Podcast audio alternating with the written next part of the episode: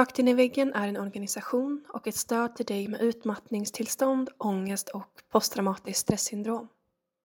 I de här avsnitten, som vi kallar för personlig podd, berättar gästen sin historia utifrån sitt perspektiv och med sina egna ord.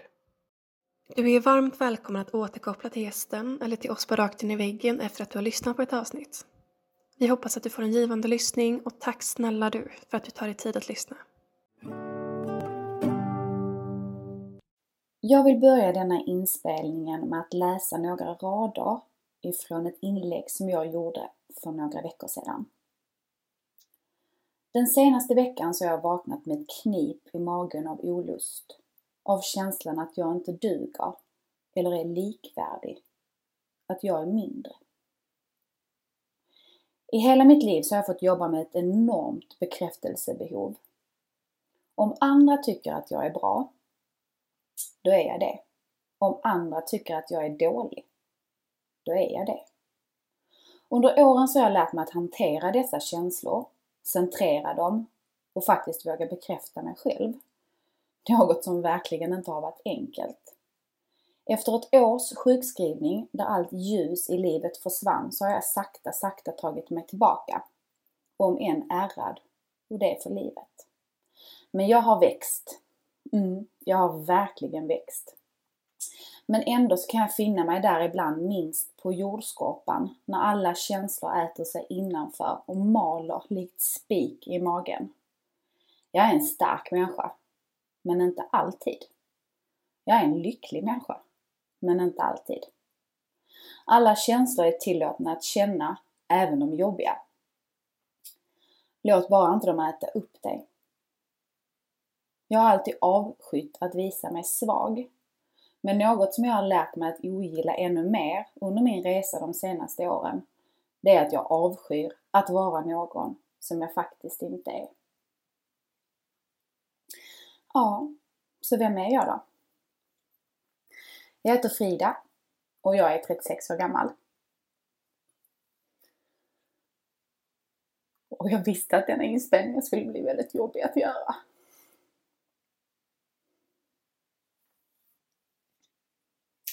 Men jag har bestämt mig för att jag inte ska trycka på paus. Och jag har bestämt mig för att jag ska tala ifrån mitt hjärta.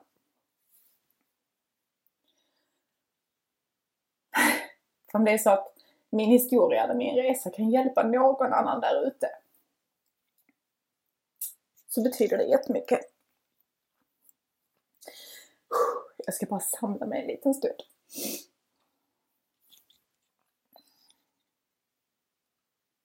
Okej, okay. nu kör vi.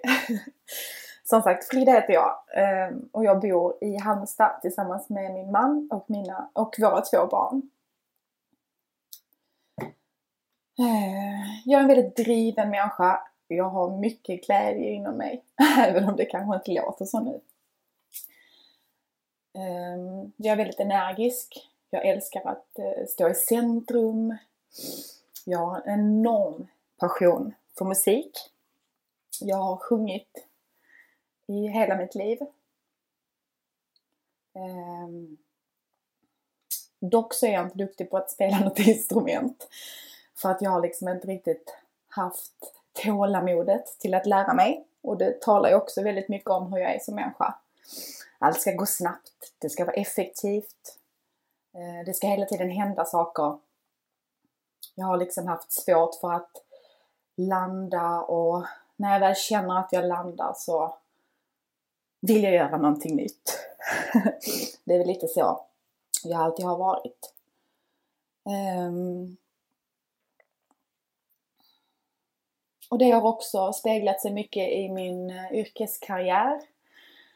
Eh, jag gick eh, estetisk teater i skolan. Samma sak där, jag älskar att stå på scen, tycker det är kul att gå in i olika roller. Efter gymnasiet så började jag jobba inom restaurangbranschen. Eh, också mycket fart och fläkt. Jag fick alltid höra Åh, snabbe Frida och att jag alltid var så effektiv och jag gick aldrig tomhänt. Ja, jag skulle alltid liksom optimera och vara snabb. Och jag tyckte det var väldigt roligt. Alltså, det är ett väldigt socialt yrke, man träffar mycket olika sorters människor. Det bjuder på mycket reflektioner och skratt och ja, jag trivdes jättebra med det. Men någonstans så kände jag liksom att jag hade landat lite i den rollen och behövde göra någonting annat. Så då bestämde jag mig för att jag skulle eh, resa till Norge och eh, bo där ett tag. Eh, också jobba inom restaurang men att testa lite nytt och ta ett steg ifrån det gamla.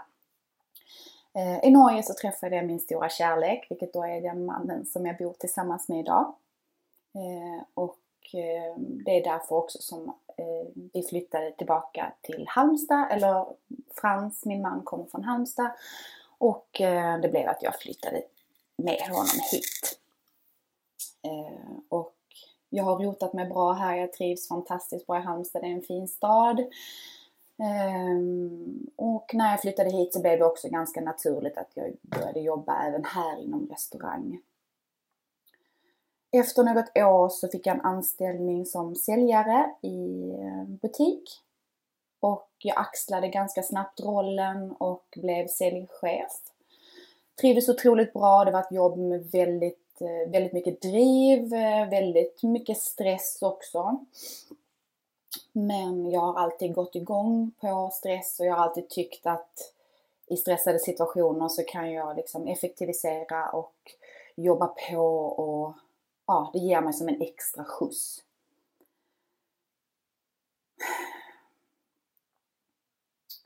Och eh, ja, men jag drev på, det var roligt. Eh. Liksom livet flöt på. Och ja, jag kände att jag, det var high life. Jag, ja, allting flöt på helt enkelt. Men så blev jag gravid, och, eller vi blev gravida och det var ju fantastiskt. Ehm, jag fick mitt första barn. Ehm, och jag fortsatte köra på. Ehm, och det man ska veta är att när man får barn så förändras livet otroligt mycket.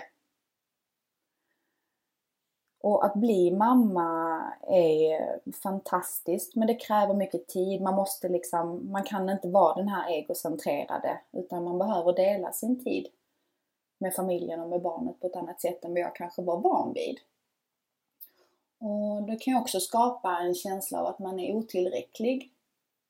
Men det flöt ändå på, alltså Mio, eh, mitt första barn, är ett väldigt, var ett väldigt snällt barn och, och eh, liksom det, ja, men det funkade jättebra. Vi bodde inne i Halmstad i en lägenhet och um, ja, livet rullade liksom på så det var inga konstigheter. Jag, efter min mammaledighet, jag var mammaledig ganska kort tid, uh, så började jag jobba igen och det var samma sak där. In i ekorrhjulet, kämpade på. Ville liksom hela tiden visa framfötterna och och med det här bekräftelsebehovet som jag har när man får liksom det här, men vad duktig du är Frida, vad bra det går, så liksom vill jag ändå prestera och, och visa och göra och vara ännu bättre. Så eh, fick vi vårt andra barn. Och där började jag liksom känna att fasaden började så smått att krackelera. Och det var väldigt tufft eh, efter förlossningen. Att jag kände att om jag hamnade i någon form av förlossningsdepression. Det var jobbigt. Alltså jag kände liksom att jag... Hade jag känt att jag inte räckte till med Mio så kände jag att jag inte räckte till överhuvudtaget. Och det var också en väldigt ja, men, tuff och jobbig period. Men någonstans så, så kravlade jag mig liksom upp ur det hålet och fick vardagen att fungera. Och det, liksom, det var inte så mycket mer med det. Alltså, de runt omkring mig märkte ju att det var tufft. Och vi alla var ju lite så, ja men, men det är inte så ovanligt att man känner sig lite deppig efter man får barn. Och, alltså livet, det, blir, det är en väldigt stor omställning. Um, och nej, men jag tuffade på, det var liksom inga konstigheter. Och, men jag kände liksom ändå att någonstans så hade jag landat igen i det här jobbet som säljchef. Jag blev erbjuden eh, en butikschefstjänst. Det blev liksom aldrig riktigt det kom ändå aldrig riktigt till skott den tjänsten och jag kände liksom när jag stod att nu står jag i ett vägskäl, jag måste göra någonting annat. Ehm, och så är jag. Vet, jag hade landat och så kände jag bara nej, jag vill göra någonting annat. Jag behöver, jag behöver göra något annat. Och då bestämde jag mig för att göra en kovändning i livet.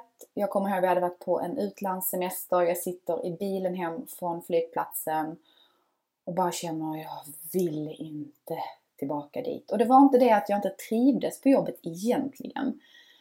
Eller jag trivdes liksom, jag verkligen gillade mina arbetskamrater och det var inte alls det. Det var liksom inte, jag hade inte den här negativa känslan för arbetet då. Men jag kände att jag behöver göra någonting annat. Jag sitter i bilen, jag scrollar i min telefon. Jag kommer in på Platsbanken. Jag hittar en eh, tjänst som handlar om träning, eh, där en gruppträningsansvarig eh, på en stor gymkedja. Och ehm, ja, de ville liksom ha någon som schemalägger och planerar för de här tränarna och lite så. Och det är lite det som jag hade haft i mitt, i mitt jobb sedan tidigare. Att ja, men strukturera och liksom jobba med personal och, och liksom, ja, ett drivet jobb helt enkelt, där man är den här drivande personen. Och jag tänkte bara, ja, varför inte chansa? Så jag skickade iväg en ansökan och hipp happ så fick jag en ny anställning.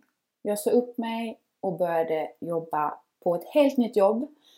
Eh, vilket var fantastiskt roligt men superläskigt jag hade liksom själv börjat eh, träna ganska så intensivt och liksom hittat en, en passion i träningen.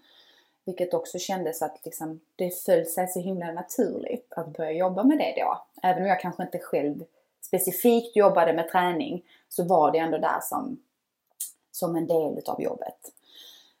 Um, och det flöt på. Jag tyckte det var jättekul. Men det var, också, det var också väldigt mycket stress och press och hela tiden liksom ja, visa framfötterna. Men jag tryckte på och det var liksom inga konstigheter med det. Um, och någonting som jag reflekterat över i efterhand, för många kanske frågar så här, vad var det, hade du liksom inga symptom, inga känningar innan? Och det är det som är det här läskiga. Det är så himla lätt när man väl är mitt uppe i allting så reflekterar man inte så mycket. Folk frågar hur mår du? Men jag mår jättebra! Så jag mår superbra och jag gjorde ju faktiskt det. Så jag mådde bra, det var kul. Liksom, ja med tvåbarnsmamma, lycklig, gift, glad, hade ett roligt jobb. Och det är ju först i efterhand när man benar ner det som man såg liksom att allting kanske inte var riktigt hälsosamt. Jag var tillgänglig 24-7, skulle lösa allting. För jag är så som människa, jag vill gärna att alla ska ha det bra. Alltså jag vill gärna lösa allt. Får jag en arbetsuppgift så vill jag göra den nu, direkt. Och jag vill göra den till 110% perfekt. Och får jag fem arbetsuppgifter så vill jag helst göra dem lika snabbt och lika bra och lika perfekt. Um.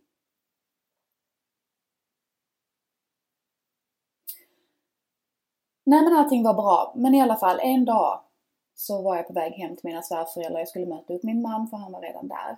Eh, och eh, jag tappar, eh, jag får solfläckar i ögonen. Alltså det, det är så när man har kollat in i solen så blir det såna här ett flimmer i ögonen. Jag fick det på ena, på ena sidan. Eh, och först så tänkte jag faktiskt att jag hade kollat in i solen och att det var det som var felet. Men det blev värre och värre under tiden som jag körde dit. Och när jag väl kommer hem dit så har jag liksom tappat, eller tappat synen nästan helt på ena sidan. Eh, och jag blev såklart skiträdd. Och jag, vet, jag kommer ihåg när jag satt i bilen att jag tänkte att, att nu får jag en hjärnblödning eller shit, nu, det är något allvarligt fel, nu kommer jag dö. Alltså lite så, för jag blev så fruktansvärt rädd. Um, men det visar sig då att jag har råkat ut för någonting som heter ögonmigrän och um, um, det kan man få när man är stressad och man kan få det, det kan komma av andra skäl också. och jag vet att jag åkte, jag ringde till sjukhuset och liksom sa det att jag var orolig och liksom att är detta normalt och, och så. Och det är klart att då frågade de om jag var stressad och jag kände att nej, men jag är inte stressad och allting fungerar ändå bra. Och, och så. Men någonstans inom mig, djupt, djupt inom mig, så visste jag ju egentligen att inte det var sant. Men som den starka människan som man vill vara och liksom så tänkte jag bara, nej men alltså herregud, jag får väl slappna av lite och så får jag bara lägga det åt sidan, det blir säkert bra. Och så trampade jag på. Och det var nog ändå den första grejen, efter, alltså förutom då min förlossningsdepression med EB så var det den första grejen som jag nu i efterhand liksom verkligen så här, ja fast där, där, där, där var jag på väg åt fel håll. Där hade jag liksom svängt i korsningen åt hållet där det är inte sunt. Um, och det är det som är så himla svårt. När blir den positiva stressen negativ? Um, för jag har också varit, alltså jag vet, jag vet jag har sagt det många gånger att jag kan inte förstå människor som står still i en rulltrappa.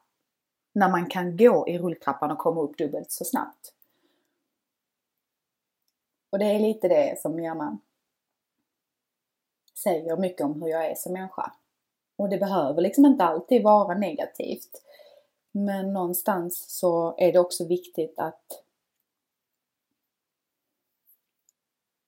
att vara aktsam när man är en sån person. Att man inte låter det äta upp en. För det, det, saken är den att vi kan styra vår vardag. Vi kan liksom hela tiden försöka spara, optimera och göra vår tid mer effektiv. Men jag har ändå kommit till insikt att jag kan inte spara min tid. För att som driven människa så är det det att jag tänkte så här att om jag, om jag är effektiv nu och jobbar undan så får jag mer tid över sen. Men den tiden som jag får över sen, den kommer jag att använda till att hela tiden försöka spara tid. Då fyller jag den med andra saker. Och det är också det som jag faktiskt gjorde under alla de här åren. Att jag hela tiden tänkte att jag skulle spara tid. Jag gick in på mitt jobb tidigare, skrev inte upp timmarna för att jag hela tiden skulle jobba undan. För att jag sen inte skulle behöva stressa under dagen. Men ändå så behövde jag stressa under dagen. Andra tidiga tecken som jag kände det var att jag blev väldigt yr. Jag fick yrselattacker. Eh, jag kommer ihåg att jag satt på jobbet en gång och skulle resa mig upp och lägga min tallrik i, i disken. Och så bara kände jag liksom hur det rummet bara krymper och allting blir snurrigt så jag får sätta mig ner igen. Eh, och så fick jag den här liksom ögonmigränskänslan också. Eh, och detta var ändå säkert ett år efter eh, det hände första gången. Jag fick ofta liksom tryck över bröstet. Jag kunde ligga på säng, i sängen på nätterna och, och liksom känna att jag var tungandad. Jag tänkte nästan att att jag var sjuk liksom, precis som efter en eh, förkylning eller när man har varit väldigt hostig. Att jag kunde liksom inte fylla lungorna tillräckligt. Det kändes som att det var någonting som tryckte över bröstet.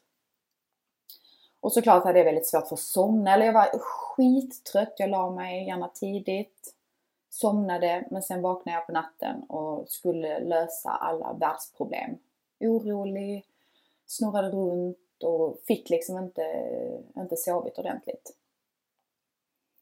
Och sen hade jag, alltså jag fick mycket ångest. Eh, jag kunde åka hem eh, från jobbet i bilen och bara bryta ihop. Alltså tårarna kunde bara spruta. Jag, hade precis, jag kunde lämna barnen på förskolan och så bara satt jag i bilen i 10 minuter och bara tårarna bara rann. Och jag menar som ni förstår så är detta helt ohållbart. Alltså jag kände någonstans, är det så här jag ska, är det så här jag ska må?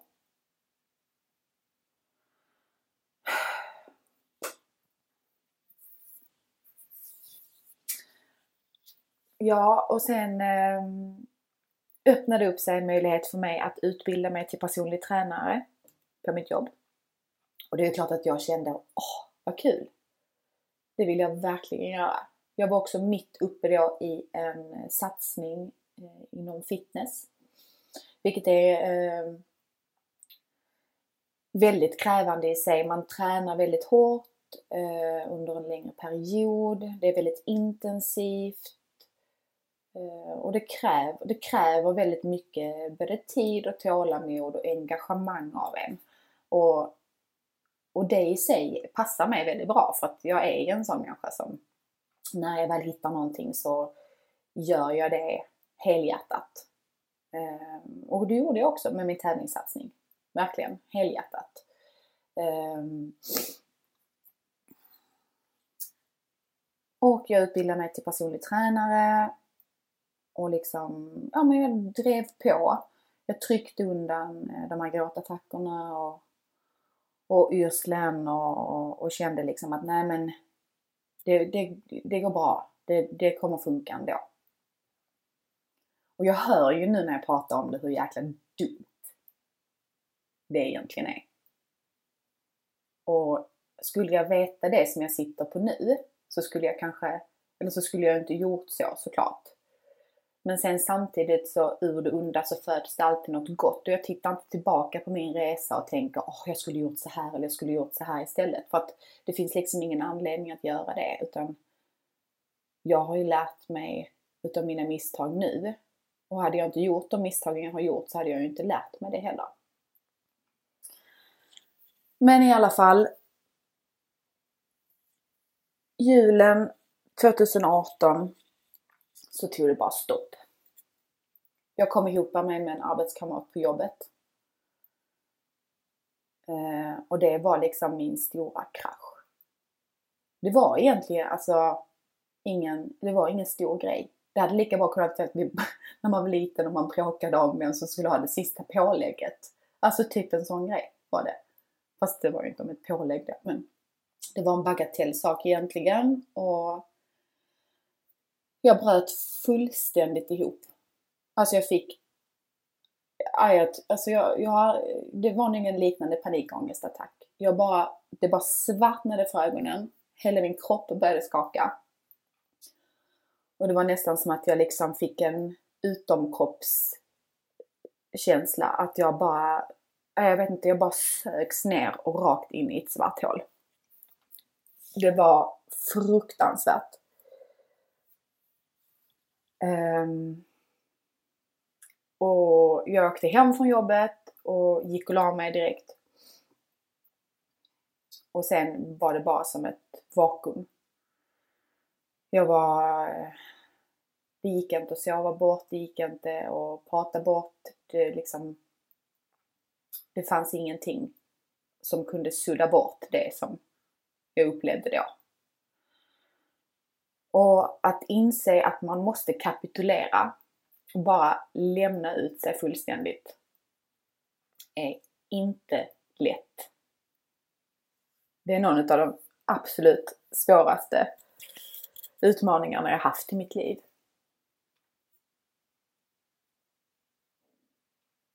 Det är nu därför jag också liksom blir så himla berörd när jag berättar om det. För att det, för att det är fortfarande jobbigt för mig att inse. Jag hade inte tänkt att den här, det här samtalet skulle bli så himla känslosamt. Men sen samtidigt så förstod jag nu nästan att det skulle bli det. Men i alla fall, jag ringde till eh, sjukvården och bröt ju fullständigt ihop i telefonen.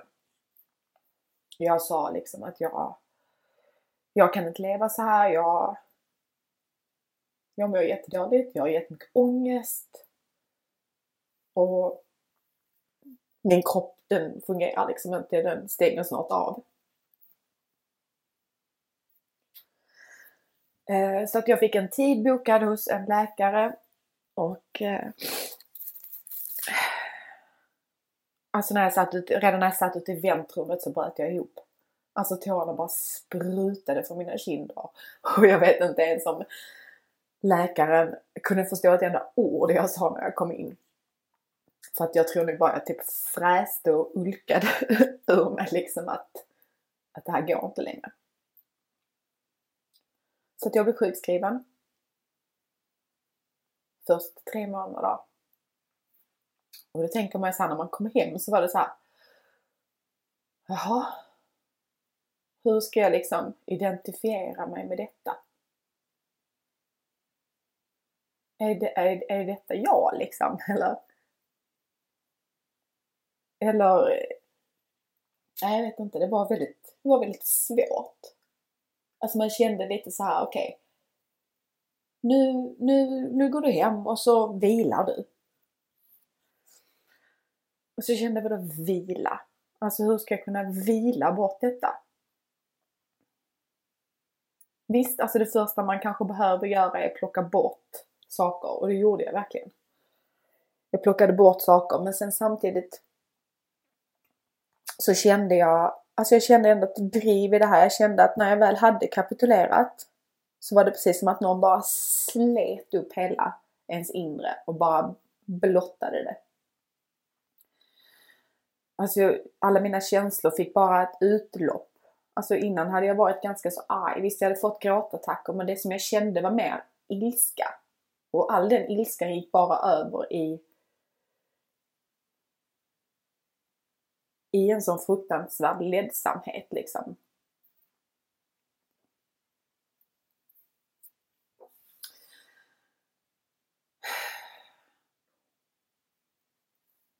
I alla fall så fick jag äta både tabletter för, för min ångest och jag fick äta tabletter i, för att jag skulle kunna sova. Och ehm, jag kände att det, det fanns liksom inget annat, jag hade inget annat val just då för att jag var så himla jag var så himla dålig.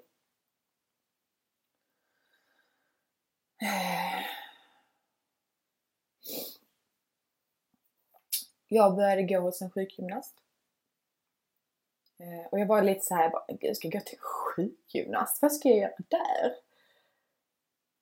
Men ehm, det som jag skulle göra där var att jag skulle lära mig slappna av. Och jag bara, vadå slappna av? Alltså hur svårt kan det vara? Eller? Alltså det är väl bara att slappna av. Men det är ju egentligen inte så enkelt. Men eh, jag minns så himla väl första gången jag gick dit. Ehm, och vi satte oss ner och pratade en liten stund och jag minns tiden alltså hos läkaren och hos sjukgymnasten som att jag alltid kom in och grät. Jag gjorde alltid det. Alltså jag kom alltid in och så grät jag. Det var liksom Ja men lite som jag gör nu. så jävla sjukt egentligen. Men ja, i alla fall, det jag vill säga var att vi satte oss ner vid hennes skrivbord och eh, vi pratade en ganska lång stund. Ehm, eh, och hon sa det, hon bara, nej men jag ser det på dig Frida. Alltså jag märker det på dig hur du pratar och hur du är. Att du är en väldigt driven människa och du vill mycket. Men nu är det dags att ta hand om dig själv. Du kan liksom inte alltid finnas där för alla andra. För hur ska du orka ta hand om alla andra om du inte ens orkar ta hand om dig själv.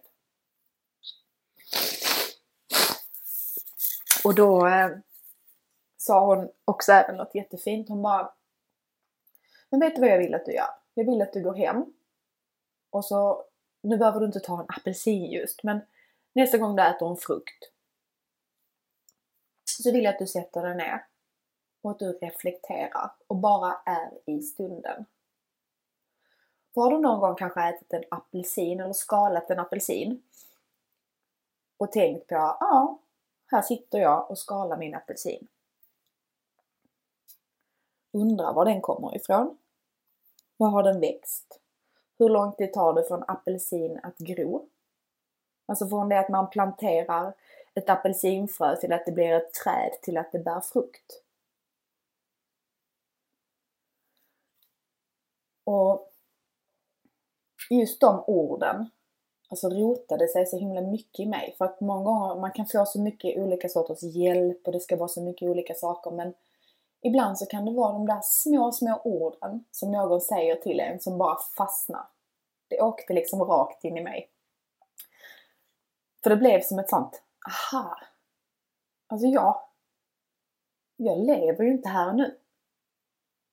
Alltså det fanns inte på världskartan för mig att jag skulle sätta mig och skala en apelsin. och tänka på var den kom ifrån. Och visst, det låter egentligen så jäkla komiskt. Men ändå så himla viktigt. Alltså just då så kan jag inte, alltså jag vet att jag kunde inte ens minnas en sekund när jag verkligen var här och nu. Alltså från det att jag slog upp mina ögon på morgonen till det att jag gick och la mig så var jag hela tiden, alltså flera dagar fram i min planering. Jag kunde vakna på morgonen och tänka på vad jag skulle göra dagen efter och hur jag skulle strukturera upp den dagen. För dagen innan så hade jag redan planerat den dagen som skulle komma.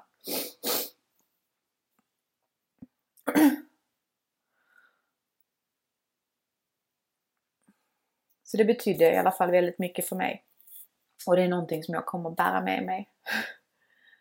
Att skala apelsinen och att ta tillvara på den stunden. Och ta tillvara på de stunderna som livet ger istället för att hela tiden planera i framtiden.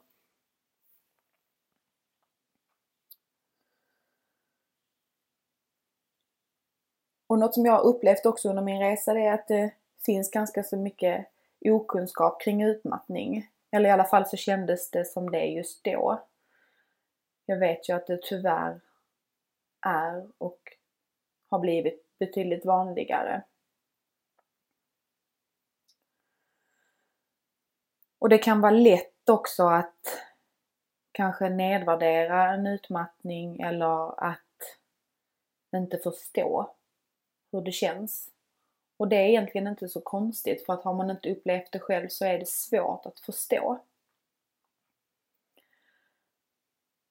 Men jag kan säga dig att när jag blev sjukskriven och fick äta tabletter och gå till sjukgymnast och fick gå till psykolog för att dämpa min ångest och för att ens orka med vardagen. Så är det någonting som jag verkligen aldrig, aldrig någonsin skulle önska någon annan. Men det är också viktigt att när man väl hamnar där att veta att man inte är ensam.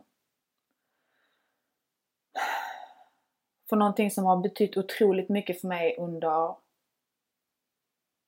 under det året när jag var sjukskriven och som fortfarande betyder jättemycket, det är faktiskt det stödet som jag har fått ifrån mina nära och kära. Och man kan liksom inte förvänta sig att de ska förstå och min man har alltid varit så att han han har liksom han bara, jag kanske inte förstår vad du går igenom Frida men jag har förståelse för att du mår dåligt. Och jag kan ändå förstå att han har stått där vid sidan av liksom och känt sig så himla hjälplös. Alltså för jag menar, hur ska han kunna hjälpa mig om jag inte ens vet hur jag ska hjälpa mig själv? För det är också en viktig bit i det att även om jag har varit den som har mått dåligt så har det ju tärt otroligt mycket på min familj också. De har ju fått stå där bredvid handfallna och liksom inte kunnat göra någonting. Och det tror jag är viktigt att, att även de som, är utom, de som är utomstående, att de får lov att visa känslor och att de får lov att visa frustration. Och också känna liksom att det är jobbigt och tufft. Ehm, och det har verkligen min man gjort. Han har verkligen liksom han har bara varit där och stöttat mig så otroligt mycket genom detta. Och det är viktigt. Och viktigt också att han har fått känna, alltså känna den hopplösheten. Att alla känslor är liksom okej. Okay. För jag förstår det.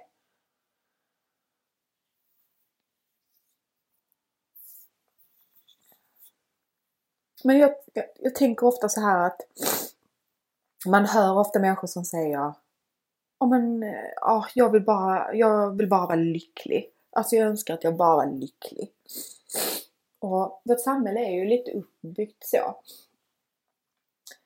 Vi ska hela tiden optimera, vi ska hela tiden prestera, allting ska vara så himla spot on, top notch, jättefint, jättebra, allting ska gå så snabbt, vi ska tjäna mycket pengar. Och man ska vara lycklig. Lycklig, lycklig, lycklig. Och det är så att lycka är en sinnesstämning som man har ibland. Precis som ilska, precis som glädje, gråt, förtvivlan, eh, ilska. Alltså det är ju känslor som man känner ibland, inte alltid. Man kan liksom inte sträva efter att vara lycklig alltid för det är helt ouppnåeligt. Och det tror jag är viktigt att man landar i. Att och även att man landar i det här att lycka behöver inte vara mer pengar på konto, lycka behöver inte vara att vara bäst eller duktigast. Lycka kan vara att sitta där och skala apelsinen. Faktiskt. Jag tycker det är en väldigt fin reflektion. Och det har, har hjälpt mig jättemycket.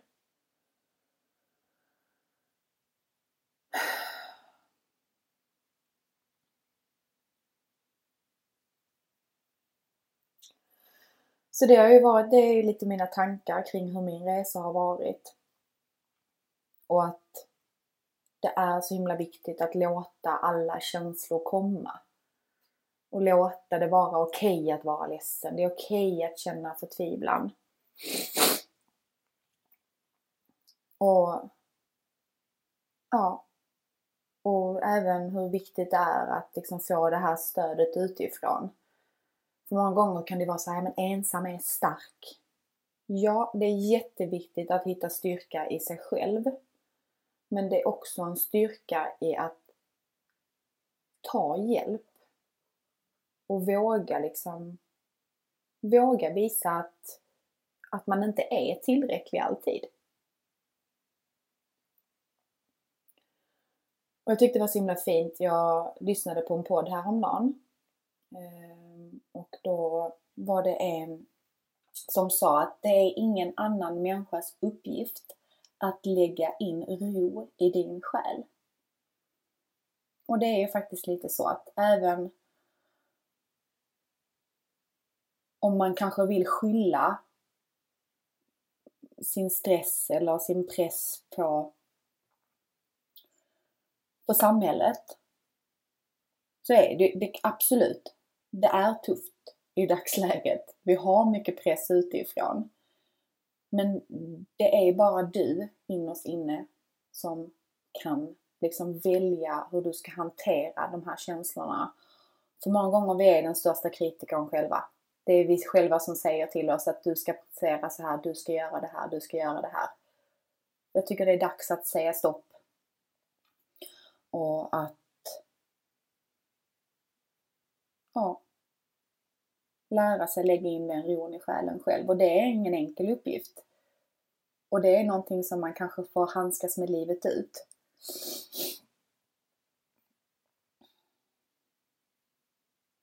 Mm. Så är det. Jag är i alla fall väldigt glad att jag har fått dela med mig av mina tankar och min resa och hur det har varit för mig. Och min resa är ju unik i sig men jag vet att det säkert finns många där ute som kan känna igen sig. Jag känner väldigt ofta igen mig i, i folks resor när de berättar hur det har varit att eh, bli utmattad och hur tufft det kan vara. Eh, men det är också skönt att veta att man inte är ensam. Och jag hoppas kanske att jag har gett något verktyg. Om inte annat så kanske vi tillsammans kan eh, skala en apelsin.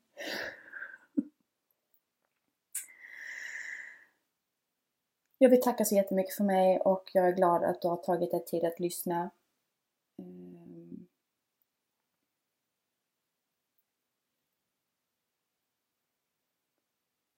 och kom ihåg att det är okej okay att bara vara. Det är okej okay att bara vara du.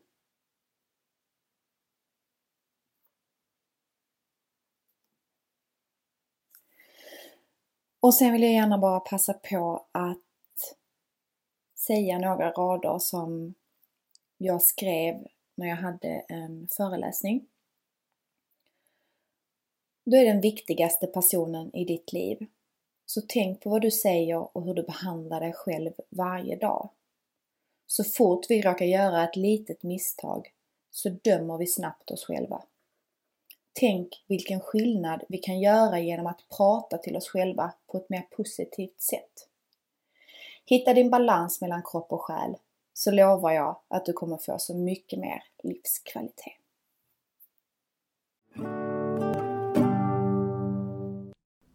Vill du också medverka i Rakt in i väggens podcast? Besök vår hemsida för mer information på www.raktinivaggen.com medverkan. Om du vill tipsa oss om en poddgäst eller om du har en fråga eller synpunkt på det vi gör kan du alltid mejla oss på podcast raktinivaggen.com för att få svar. Tack för att du lyssnar.